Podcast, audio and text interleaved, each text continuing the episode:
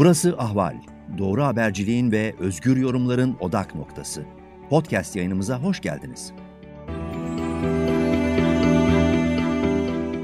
Merhaba Ahval izleyicileri sıcak takipteyiz. Ben Dicle Baştürk. Bugün İslam ve Müslümanlık üzerinde konuşacağız. Özellikle de Türkiye'deki Müslümanlığa odaklanacağız. Konuğum ilahiyatçı, yazar ve eski Diyarbakır ANAP milletvekili Abdülbaki Erdoğmuş. Merhaba Abdülbaki Bey. Merhabalar, merhabalar, iyi yayınlar diliyorum. Teşekkür ediyorum. Siz e, uzun bir süredir yazılarınızda Müslümanlığa yönelik bir eleştiri getiriyorsunuz. İslamsız bir Müslümanlık yaşanıyor diyorsunuz. Bu noktada şunu sormak isterim. Müslümanlar İslam'dan koptu mu? Nedir Müslümanlığın geldiği nokta, yaşadığı sorunlar? O kadar net sordunuz ki cevabını da net e, vermek zorunda buluyorum kendimi. Maalesef yani bugün itibariyle değil, e, yüzyıllardır Müslümanlar İslam'dan koptular diyebiliriz. Şimdi zaten sorunumuz da buradan kaynaklanıyor. Yani İslam ve Müslüman arasındaki makas e, açılınca zaman içerisinde Müslümanların dini olarak İslam algılanmaya başladı ve Müslüman kesimler, mezhepler, gruplar, işte egemen kuvvetler, devletler e, kendilerine göre İslam'ı e, bir din olarak yorumladılar ve hayata geçirmeye çalıştılar. E, dolayısıyla e, bu böyle yüzyıllarca sürünce kaçınılmaz olarak Müslümanlarla İslam arasında e, bir kopma gerçekleşmiş oldu ve bu kopmanın e, farkında e, olmadığımız için genel olarak e, bir çözüm yolu da bulunmadı. Zaman zaman bazı münevver alimler, bazı aydınlar e, buna dikkat çekmişler. Yani önceki yüzyıllarda da bu yüzyılda da dikkat çekmişler ama onlar hepsi e, çok e, birey olarak kalmışlar ve etkili olmamışlardır. Bu nedenle Müslümanlar da kendileriyle İslam'la yüzleşme fırsatını yakalayamadılar. Ben hem bir siyasetçi olarak siyasi tecrübelerimden yola çıkarak hem bir ilahiyatçı olarak e, hem de İslamcı gelenekten gelen biri olarak hmm, belki bunu da ifade etmek gerekirse tecrübe anlamında, ilim anlamında söylemiyorum. Aynı zamanda bir medrese geleneğinden de gelmiş olmam. E, bu konuda hmm, fikirlerimi, deneyimlerimi, tecrübelerimi daha çok düşünce merkezli e, yazmaya çalıştım. Hatta sözü açılmışken bunu da söyleyeyim. Tam da bu e, isimle sizin dediğiniz İslamsız Müslümanlık adıyla çok yakın zamanda bir kitabım da çıkacak. Umarım onu da paylaşmış oluruz. Evet temel sorunumuz bu. Yani Müslümanlar İslam'dan ne yazık ki kopmuşlardır. E, bundan daha acı olan e, İslam arayışımızın olmaması. E, çünkü bu e, önemli bir sorun. E, yaşadığımız dinin İslam olduğuna inandığımız için bizim İslam arayışımız da söz konusu değil. E, bu bence İslam'dan kopmaktan çok daha vahim sonuçlar doğuruyor. Buna da dikkat çekmek isterim zaten e, sorunun adı konulmamış olunca çözüm aramakta galiba e, olmuyor bu durumda. Evet. Evet yani dolayısıyla yani bu, bu çok önemli bir şey. E, bu İslamsız Müslümanlık tanımı da e, yani ilk defa e, ben kullanmış oluyorum. Yani en azından yaptığım araştırmalarda Google'da dahil böyle bir tanımlamaya rastlamamıştım. Ama kendi durumumuzu tespit ederken, yani Müslüman olarak kendi durumumuzu tespit ederken esas itibariyle bizim İslamsız bir Müslümanlık yaşadığımızı ve İslam olmayan ama İslam adıyla hayatımızda var olan e, ritüellere, inançlara e, tabi olduğumuzu paylaşmak istedim. E, Müslüman dünyasının, genel olarak Müslümanların bir yüzleşmeye ihtiyaçları olduğunu, e, aksi halde bunun hem Müslümanlar için, hem Müslüman coğrafyası için, hem de belki de insanlık için çok daha tehlikeli sonuçlara da yol açabileceğini düşünüyorum. Çünkü bugün hem siyasal alanda hem örgütsel şiddet boyutuyla e, İslam adına e, hareketler var, gruplar var, örgütler var, partiler var ve bunların her birisinin e, İslam üzerinden bir yol aldığı iddiası Müslüman dünyası içinde, insanlık içinde tehlikeli sonuçlar getirmektedir. Mesela bugün e, terör hareketleri veya örgütlerin teröre başvurması, terör eylemlerini bir araç ve yöntem olarak seçmelerinin kaynağı da esas itibariyle İslam olarak gösterilmektedir. Evet. Ve ve ve geleneğimizde, kültürümüzde, fıkıh kitaplarımızda da bu referanslar vardır. Yani din adına bu referanslar vardır. Yani insanları e, Allah adına öldürmek, e, insanları köleleştirmek, Suriye'de e, örneğini gördüğümüz gibi kadınları cariyeleştirmek gibi evet. bırakın herhangi bir dinle insanlıkla bağdaşmayan bazı uygulamaların bugün hala Müslüman dünyasında yaygın olarak kabul gördüğünü bilmemiz gerekiyor. Bunu inkar etmekle yani Müslüman aydınların başlarını kuma sokarak bu gerçeği örtmekle kurtulamayız. Veya işte bu İslam değil, şu değil, bu değil. Peki hangisi İslam? Bunun cevabını bulmak zorundayız örgütlerin İslam değil, partilerin yaptığı İslam değil, cemaatlerin, Kur'an kurslarının, imam hatiplerin, şunların bunların yani dikkat ederseniz hangisi söz konusu olursa bir başkası tarafından ya gerçek İslam bu değil. Güzel. Güzel de peki gerçek İslam hangisidir diye sorduğumuzda herkes kendi İslam'ını ortaya koyar. Yani her cemaat savunduğu dinin İslam olduğunu söyler. Her grup, her parti e, savunduğu dinin yolun İslam olduğunu söylüyor. E peki gerçekten bu İslam mıdır? Yoksa bu Müslümanlık mıdır? Yani, tamam Müslümanlık olabilir ama İslam'ın kesinlikle ne olduğuna ilişkin bizim cevap bulmamız gerekir. Bu konuda ben de katkılar sunmak istedim. mesela mesela ülkemizde yani biz sadece İslam denince e, hem savunanların hem de eleştirilenlerin dikkat ederseniz cemaatler olduğu, partiler ve gruplar olduğunu görürüz. Oysa sistemlerden kaynaklanıyor.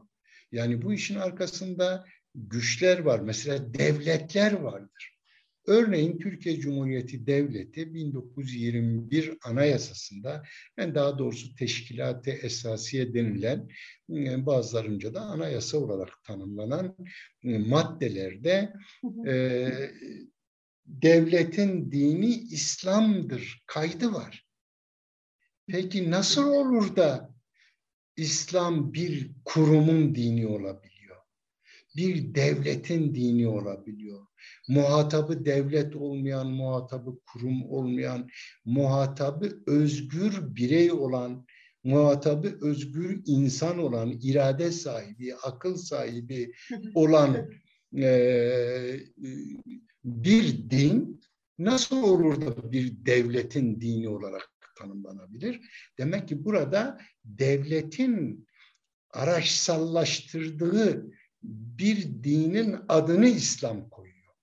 Yoksa Hı. İslam değil. Ama araç olarak kullandığı dinin adı burada İslam'dır. Ve bir örnek daha evet. vermek istiyorum. Yine e, bu anayasa üzerinden. Zaten bu devletin dini İslam'dır. Sanıyorum 1928'lerde bir değişiklikle kaldırıldı. Ama bunun kadar önemli olan e, yine 1924'te sanıyorum 3 Mart 1924'te çıkarılan köy kanununda köyü tanımlarken yani yasa köyü tanımlarken evet. der ki köy işte me cami, mektep, otlak, baltalık vesaire vesaire devam ediyor. Yani bir köyün bir yerleşim biriminin köy statüsünde kabul edilebilmesi için öncelikle camisinin de bulunması lazım. Şimdi düşünebiliyor musunuz? Yani caminin e, kendisi İslam e, dininde, Resulullah'ın sünnetinde olmadığı halde, bak daha sonra Allah'ın evi denilerek hayata geçirilmiş ve Türkiye Cumhuriyeti Devleti kurulurken 1924'te köy statüsü için camiyi şart koşuyor. Şimdi biz de sanıyoruz ki gericiler, yobazlar, işte istismarcılar e, camileri kullanıyor. Oysa ilk kullanan Türkiye Cumhuriyeti Devleti'dir. Yine Diyanet İşleri Başkanlığı bir örnek olabilir. Şimdi Diyanet İşleri Başkanlığı'nı kuran Türkiye Cumhuriyeti'dir. Şimdi Diyanet İşleri Başkanlığı'nın görevi nedir peki? Toplumu din konusunda aydınlatmak, İslam'ın inancını,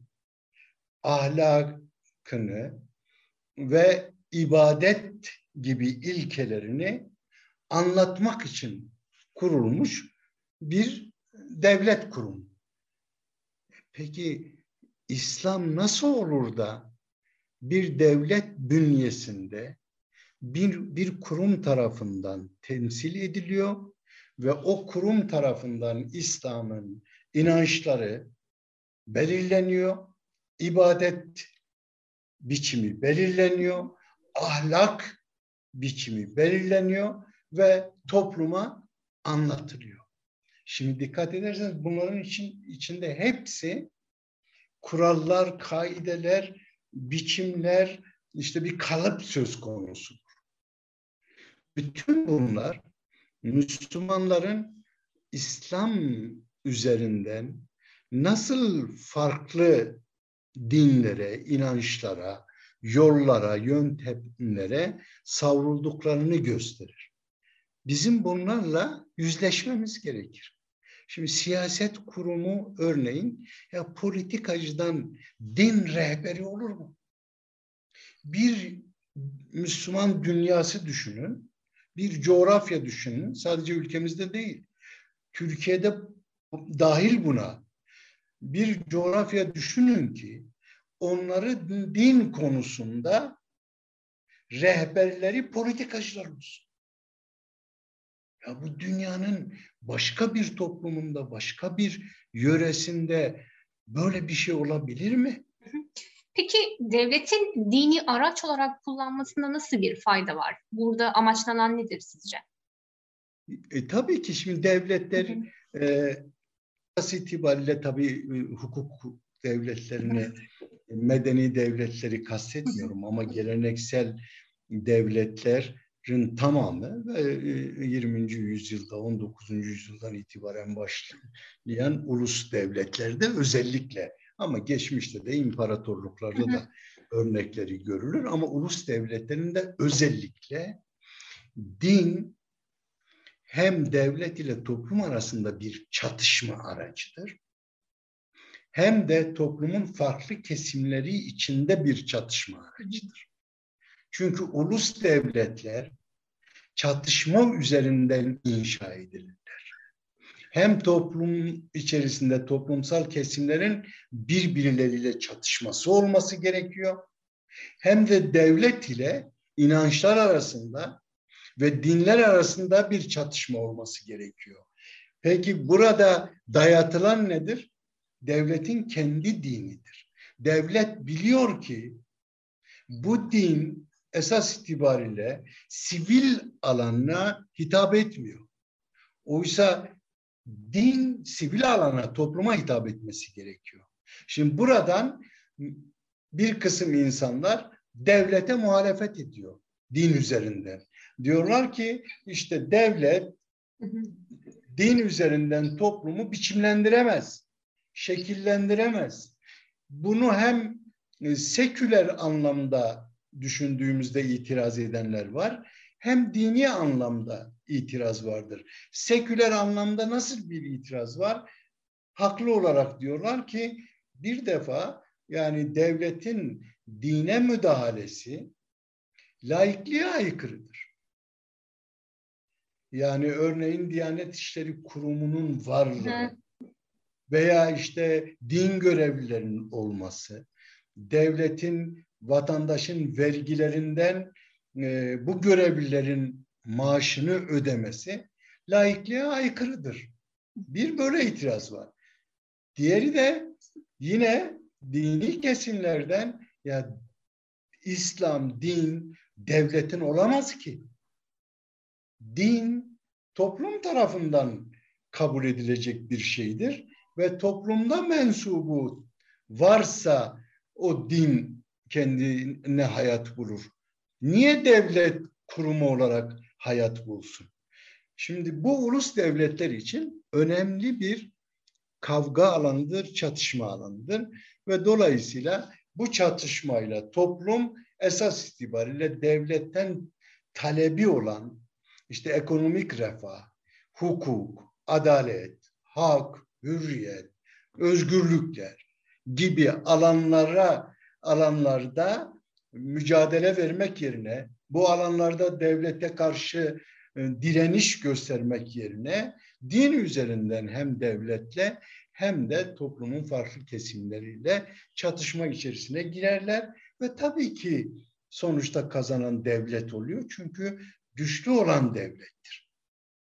Şimdi böyle baktığımızda dinin nasıl bir rol aldığını görüyoruz. Oysa mesela İslam diyoruz ki yani e, temel ilkelerinden biri tabii e, yaratıcı olarak e, bunu tevhid olarak tanımlanır Kur'an'da.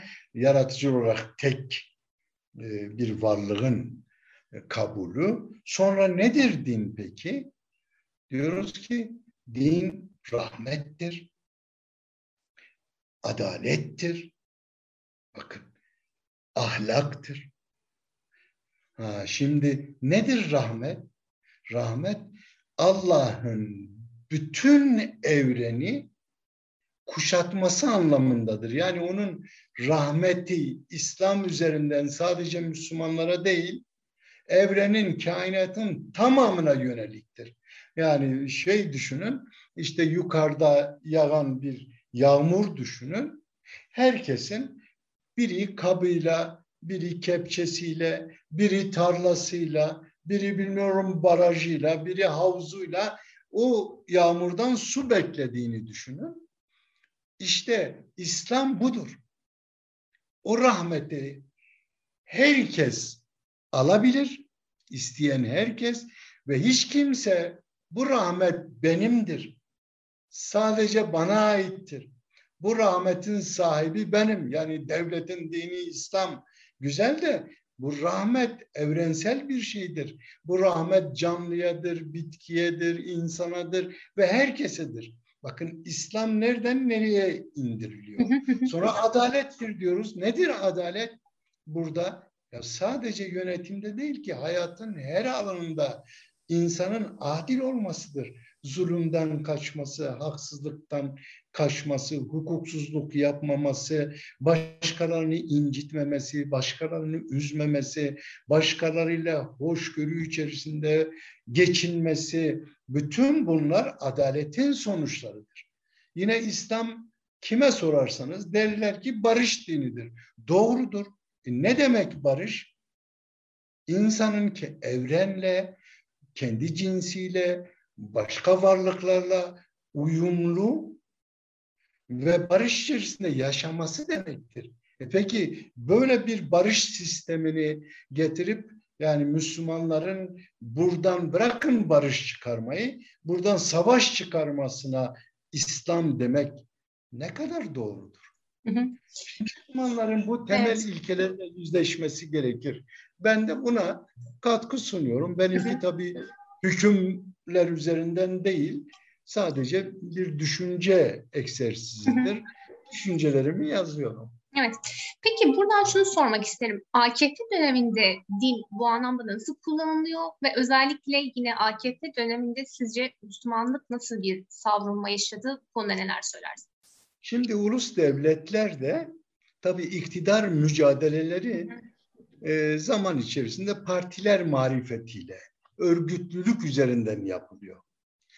E, şimdi din nasıl devletler için araç ise bazı kesimler için de iktidar aracıdır bu sefer. Yani iktidarı neyle ele geçirebiliriz projesinin sonucunda ortaya çıkmıştır. Önce mesela İslamcılık dediğimiz ideoloji esas itibariyle anti-emperyalist e, bir duruşla ortaya çıkmış. Yani 19.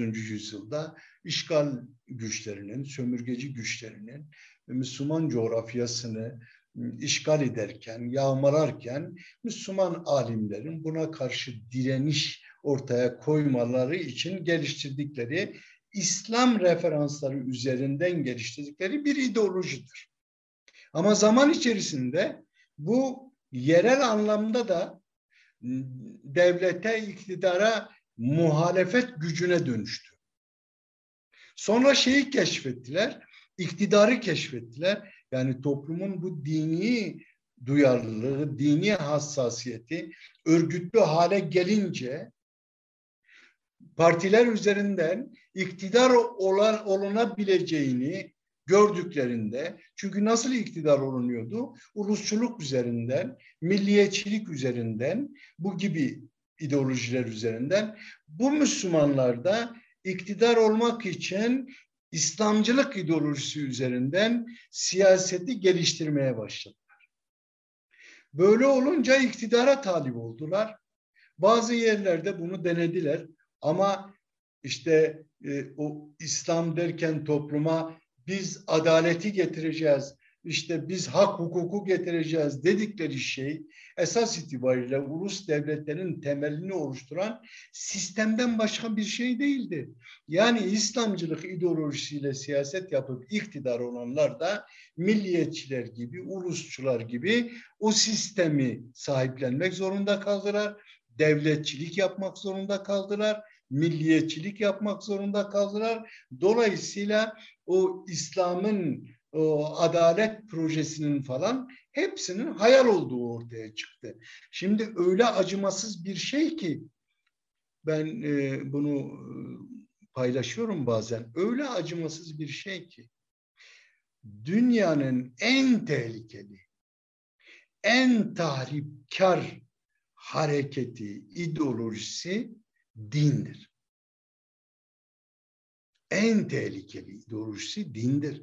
Din üzerinden geliştirilen yolsuzluklar, usulsüzlükler, haksızlıklar, hukuksuzluklar hiçbir ideoloji kadar hiçbir ideoloji kadar e, az az e, tahripkar değildir. Hepsinden daha fazladır.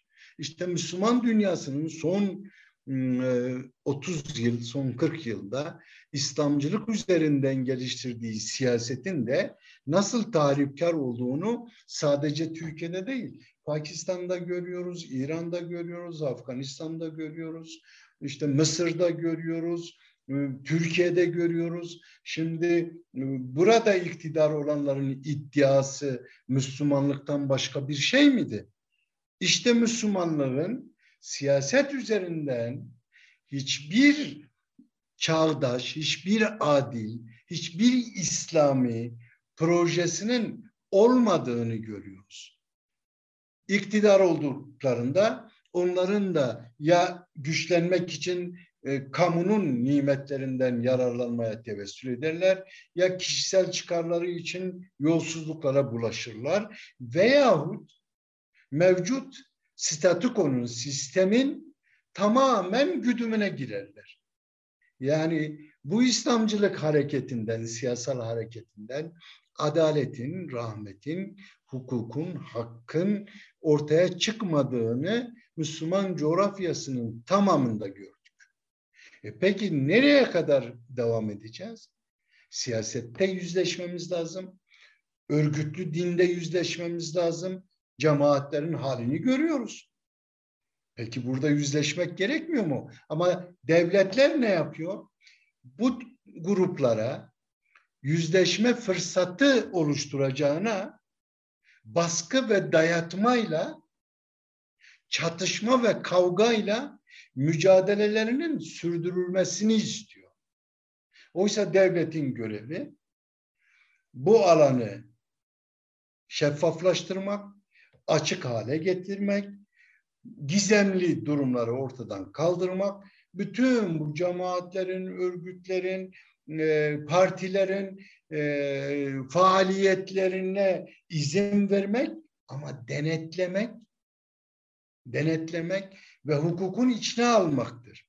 Bunu yapmak yerine çünkü böyle olunca toplum burada olup bitenleri görecektir. Bu yapıların İslam'la bir ilgisinin olmadığını görecektir ama devlet bunu istemiyor. Devlet toplumun görmesini istemiyor. Devlet topluma kendi dinini dayatıyor ve bununla kavga etmesini istiyor. Bakınız bu son son olayları görüyorsunuz. Ya yüz binlerce insan kamu kuruluşlarından uzaklaştırıldı. Bunlar kim? Bunlar bizim çocuklarımız. Askeri darbeler olur. Bu ülkenin solcuları kamudan uzaklaştırılır. 28 Şubat olur. Bu ülkenin muhafazakarları uzaklaştırılır. 15 Temmuz olur. Bir cemaat e, aidiyeti üzerinden milyonlarca insan mağdur ediliyor. Şimdi bunu yapan kim? Bunu yapan devlet. Bunu ne üzerinden yapıyor? İşte bu tür din üzerinden. Peki karşı mücadele verenler neyin üzerinden örgütleniyor? Din üzerinden. Ve bu dine İslam diyorlar. Şimdi Müslüman aydınların, Müslüman ulemanın, Müslüman ilahiyatçıların dönüp İslam'la ve Müslümanlıkla yüzleşmelerinin zorunlu olduğunu düşünüyorum. Bakın İslam'ın bir Rönesans'a ihtiyacı yoktur. Ama Müslümanlığın bir Rönesans'a ihtiyacı vardır. Yani Müslümanlık bir Rönesans gerçekleştirmek zorundadır. Aksi halde bu cehennemden çıkamayız. Bu nedenle herkesin cesaret gösterip sorumluluk alıp e, doğrudan İslam'la yüzleşmeli ve İslam ile Müslümanlık arasındaki ayrımı net olarak görmelidir. Bunu yapamazsak sadece siyasette değil, yani ekonomik alanda, sosyal alanda, e, yönetim alanında, uluslararası alanda çok daha ciddi e, badirelere gireceğiz. Yani bakın mesela hala din üzerinden kadın erkek eşitliği tartışılıyor. Ve din iddiasıyla örgütlenen kesimler, işte ilahiyatçılar ne derseniz deyin, hala e, e, kadınla erkeğin eşit olamayacağını savunuyor. Şimdi devlet de kendi dini üzerinden diyor ki kadın ve e, erkek diyelim eşittir. Ya, oysa bu bir tartışma konusu değil ki.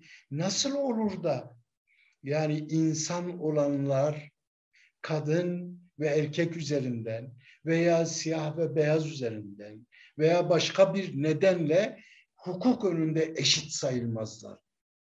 Ya bu, bunun İslam'la izah edilebilecek hiçbir ilkesi olmadığı halde İslam üzerinden kadının erkeğe eşit olamayacağı savunuluyor. Ve bunu Müslüman kadınlar da savunuyor. Çünkü İslam olarak böyle gördüğü için savunuyor. Oysa böyle bir ilke zaten yoktur. Bu hukuk ilkesidir ve hukuk önünde herkes eşittir. Yani sadece erkek sadece erkek kadın değil. Evet evet. Bütün insanlar yani cinsiyetin ne olursa olsun, aidiyetin ne olursa olsun, tercihleri ne olursa olsun ya hukuk önünde herkes eşittir ama biz hala kadınla erkeği din üzerinden eşit olmadıklarını savunuyoruz. Bu İslam'a hakaret değil midir? Bu Müslümanlıktır kabul ama bu İslam değil. Bunu demeye çalışıyorum. Ben. Şimdi 2018 yılında Cumhurbaşkanı Erdoğan'ın bir çıkışı olmuştu. İslam'ın güncellenmesi gerekir yönünde. E, hatta bazı din adamları da eleştiri getirmişti. Asırlar öncesinde kaldılar gibi. Ama sonra daha doğrusu çok kısa bir sürede gelen tepkiler üzerine geri adım attı ve e, bu konuda aslında gündemden düşmüş oldu. Sizce o dönem Cumhurbaşkanı Erdoğan neden böyle bir çıkışta bulundu ve neden geri adım attı? Bu anlamda neler söylersiniz? Yani İslam'ın güncelleşmesi esas itibariyle amacı yani İslam'ın e, işte hayata geçirilmesi, kurum ve kuruluşlarıyla kendilerine göre e, inandıkları o ideoloji çerçevesinin hayata geçirilmesiydi. Yoksa İslam'ın güncelleşmesi politikacılara mı kalmış?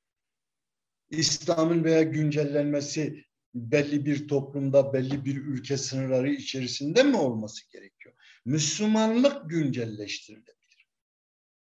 Şimdi bu bile İslam'a nasıl bakıldığını gösterir. İslam güncelleşsin, Nasıl güncelleşsin? İslam insanların özgür iradeleriyle, kabulleriyle, imanlarıyla veya redleriyle olan bir şeydir. Yani bu kadar açık olan imanın politikacılar veya din adamları marifetiyle güncellenmesi veya dayatılması nasıl mümkün olacak? Yani Allah'ın yarattıklarından istemediği bir şeyi biz neye dayanarak, hangi hakla, hangi haddimizde savunuyoruz ve istiyoruz? Bu nedenle Allah'ın dininden elimizi çekmemiz lazım. Allah'ın diyorlar ya yakamdan düş. Allah'ın dininin yakasından düşmek gerekiyor. Şimdi bir de şunun da altını çizmek gerekir. Ya bu İslam Müslümanların tekelinde değil ki. İslam Allah'ın dininin adıdır. Sahibi Allah'tır.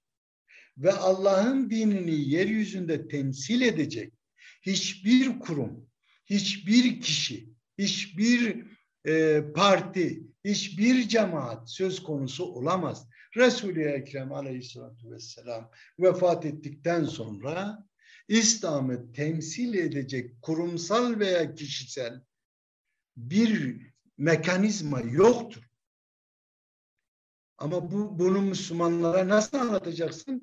Çünkü iktidar olmak için buna ihtiyacı var veya muhalefet etmek için buna ihtiyacı var, öldürmek için buna ihtiyacı var, savaşmak için buna ihtiyacı var, başkalarının topraklarını işgal etmek için buna ihtiyacı var, işte başkalarını yok etmek için buna ihtiyacı var. Hayır, bunun için ihtiyaç duyulan şey Allah'ın dini değil.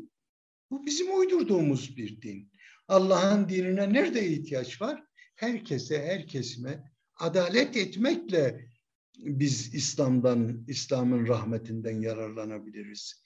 Yani insanların bir Müslümanın elinden, dilinden emin olmadıkları sürece o insanın mümin olması mümkün değil. Müslüman olabilir. Ama mümin ne demek? Zaten kelime anlamı da güven demektir insanların, hayvanların, herkesin güven duyduğu kişidir. Yani e, ne eliyle zarar verir, ne diliyle zarar verir, ne makamıyla zarar verir, ne sahip olduğu servet ve imkanlarla zarar verir. Şimdi böyle bir e, tasavvur içinde düşünülen mümin biz Müslümanların elinde ne hale geldi? Bu nedenle yani gerçekten bu yüzleşmenin yapılmasının ben çok zaruri olduğunu ve AK Parti iktidarının Türkiye'de neden olduğu olumsuzlukların bu yüzleşmeyi hızlandıracağını düşünüyorum. Eğer Müslüman aydınlar, mümin münevverler, bu ulema dediğimiz teologlar, alimler gerçekten bunu bu şekilde bir fırsata çevirebilirler. Yani İslam iddiasıyla, Müslümanlık iddiasıyla gelip iktidar olanların ortaya koydukları uygulama biçimleri üzerinden bir yüzleşme bizim için çok kolay hale geliyor. Dolayısıyla e, İslam deniliyor ki İslam AK Parti değil. E, güzel de İslam AK Parti değil de biz Müslümanların istediği zaten böyle bir iktidardı. Demek ki İslam ya iktidar değildir. İslam ha, İslam siyaset değildir. İslam devlet değildir. İslam çok üstte bir rahmettir.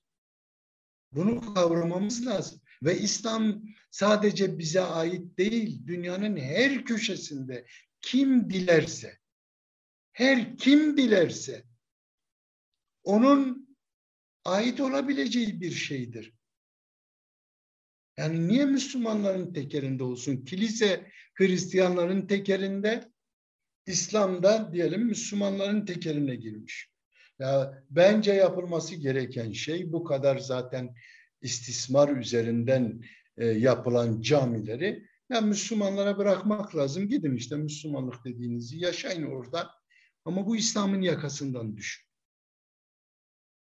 Peki Müslüman Evet. Müslümanlar bu anlamda yüzleşmeyi ve aydınlanmayı nasıl sağlayacak? Daha da büyük bedeller ödeyerek, ağır bedeller ödeyecek, ödeyerek, itibarı yitirerek, güvenini tamamen yitirerek, insanların artık hiç güvenmediği, hiç kendilerine bakmak bile istemedi, selam bile vermek istemedi ve yaşadığı ortamın hukuksuz, haksız, işte adil olmayan uygulamaların sonsuz, sınırsız hale geldiği zaman ancak e, uyanabiliriz. Bu nedenle Müslüman e, e, münevverlere, aydınlara düşen görev bu ağır bedeli başkalarından ders alarak yani Orta Çağ Hristiyan dünyasından ders alarak daha büyük felaketler yaşamadan Müslümanların yüzleşmesini sağlamaktır. Bu mümkündür. Hele hele Türkiye'de bu şu anda çok daha kolaydır. Yani e, mevcut iktidar bunu çok kolay hale getirdi.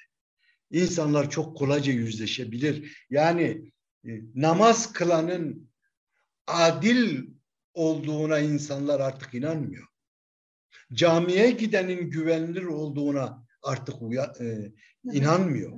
Demek ki demek ki Allah'ın dinini yaşamak camiye gitmekle, namaz kılmakla, işte e, bazı ritüeller yapmakla, oruç tutmakla, kandil gecelerini ihya etmekle olmuyor.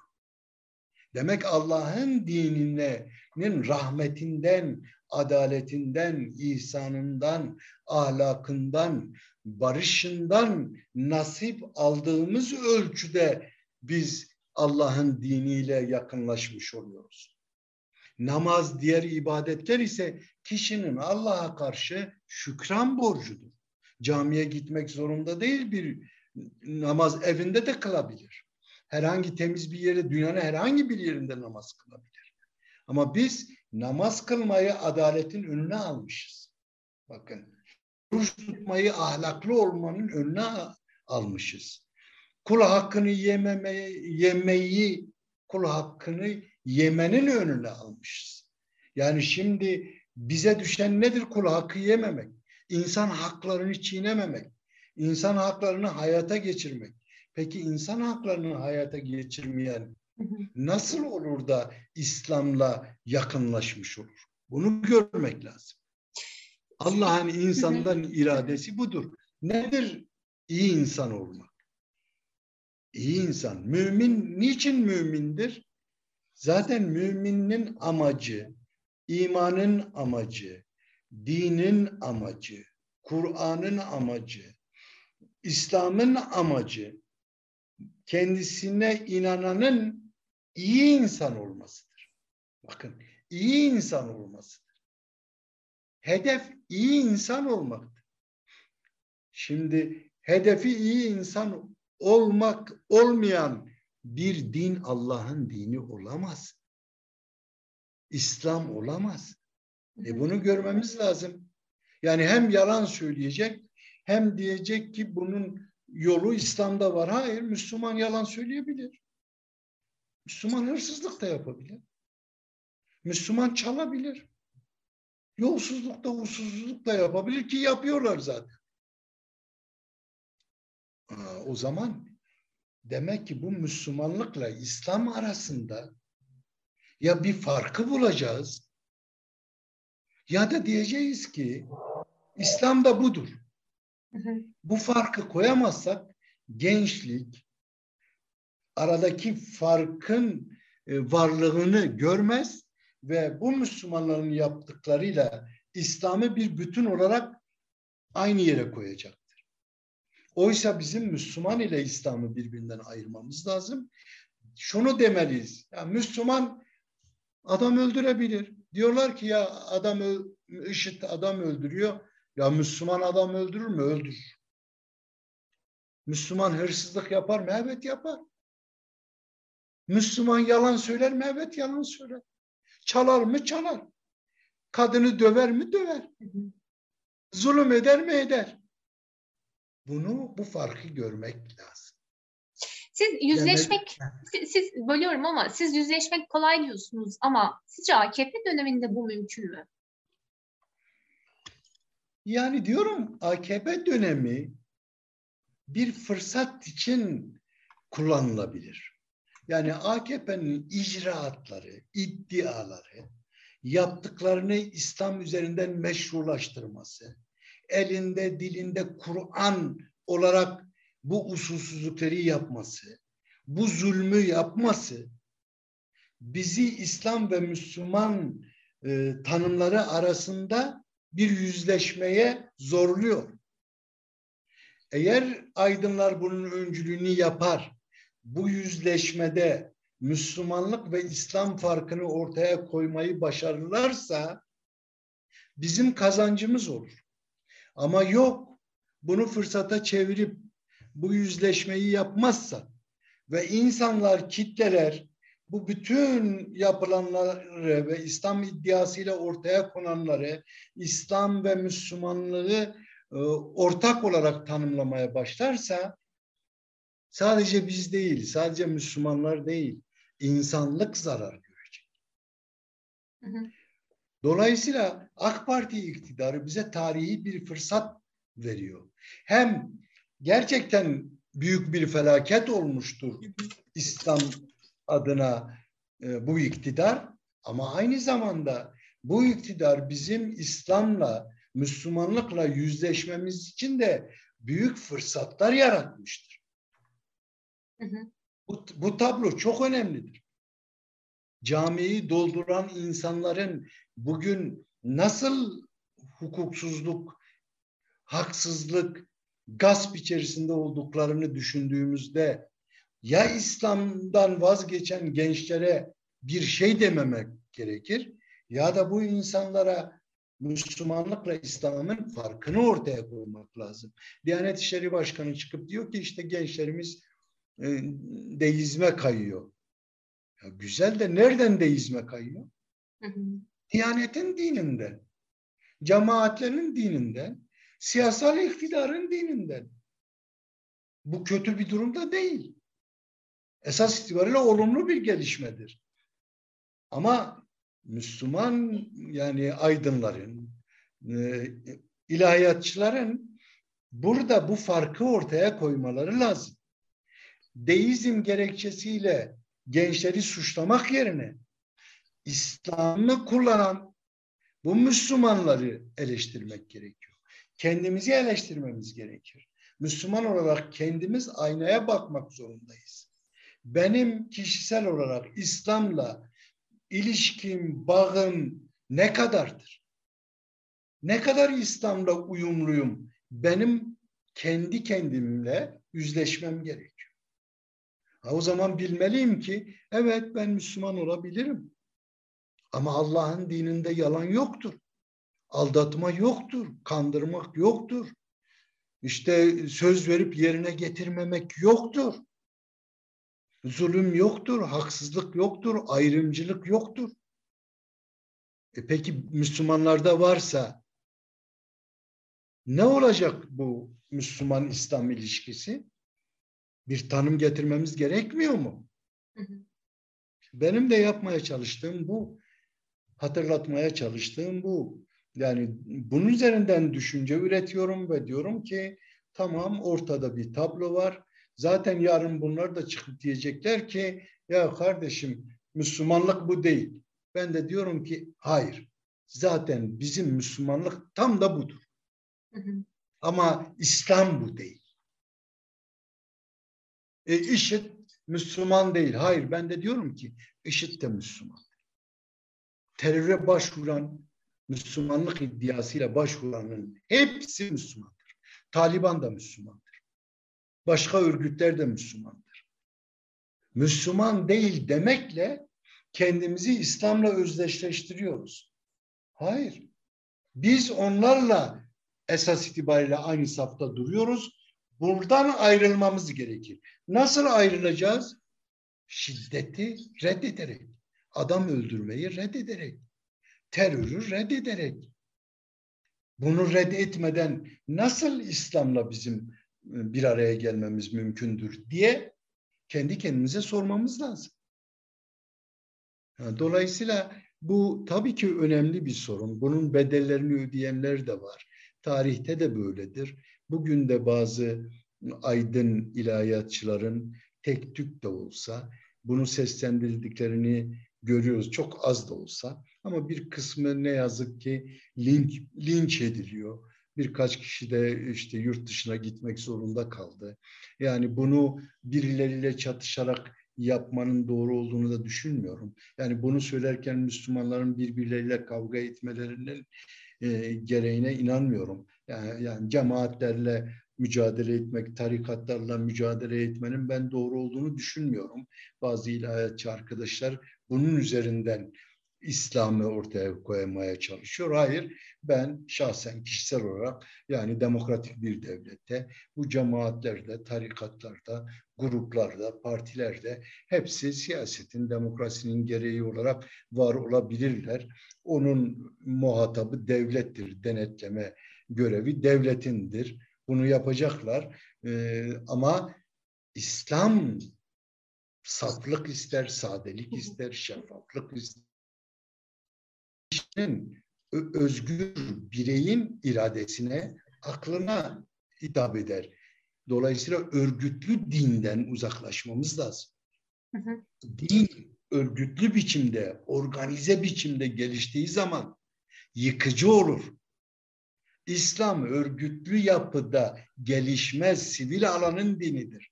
İslam bireyin, sivil insanın, özgür insanın dinidir. İslam örgütlü kesimlerin dini değil. Burada bir yanlışlık var. Camide örgütlenmek, Kur'an kurslarında örgütlenmek, partilerde örgütlenmek, cemaat adıyla örgütlenmek, gizli veya açık örgütlenmek, işte bilmem dernekler üzerinden, vakıflar üzerinden İslam bu değil. Bu Müslümanların yaptığı faaliyetlerdir. Doğru veya yanlış. Ama İslam bu değil ve şunu kabul etmeli Müslüman. İslam'ın sahibi Müslüman değil. İslam'ın sahibi Allah'tır.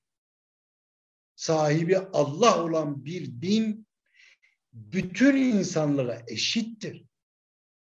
Kimse bu dinde ayrıcalıklı değildir. İmtiyazlı değildir. Bu dinde seçkin olamaz.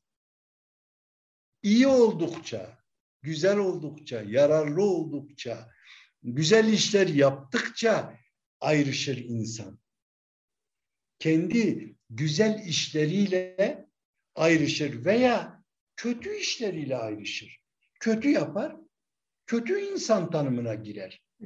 Ya da iyi yapar, iyi insan tanımına girer. İslam iyi yapmanın, iyi insan olmanın yoludur.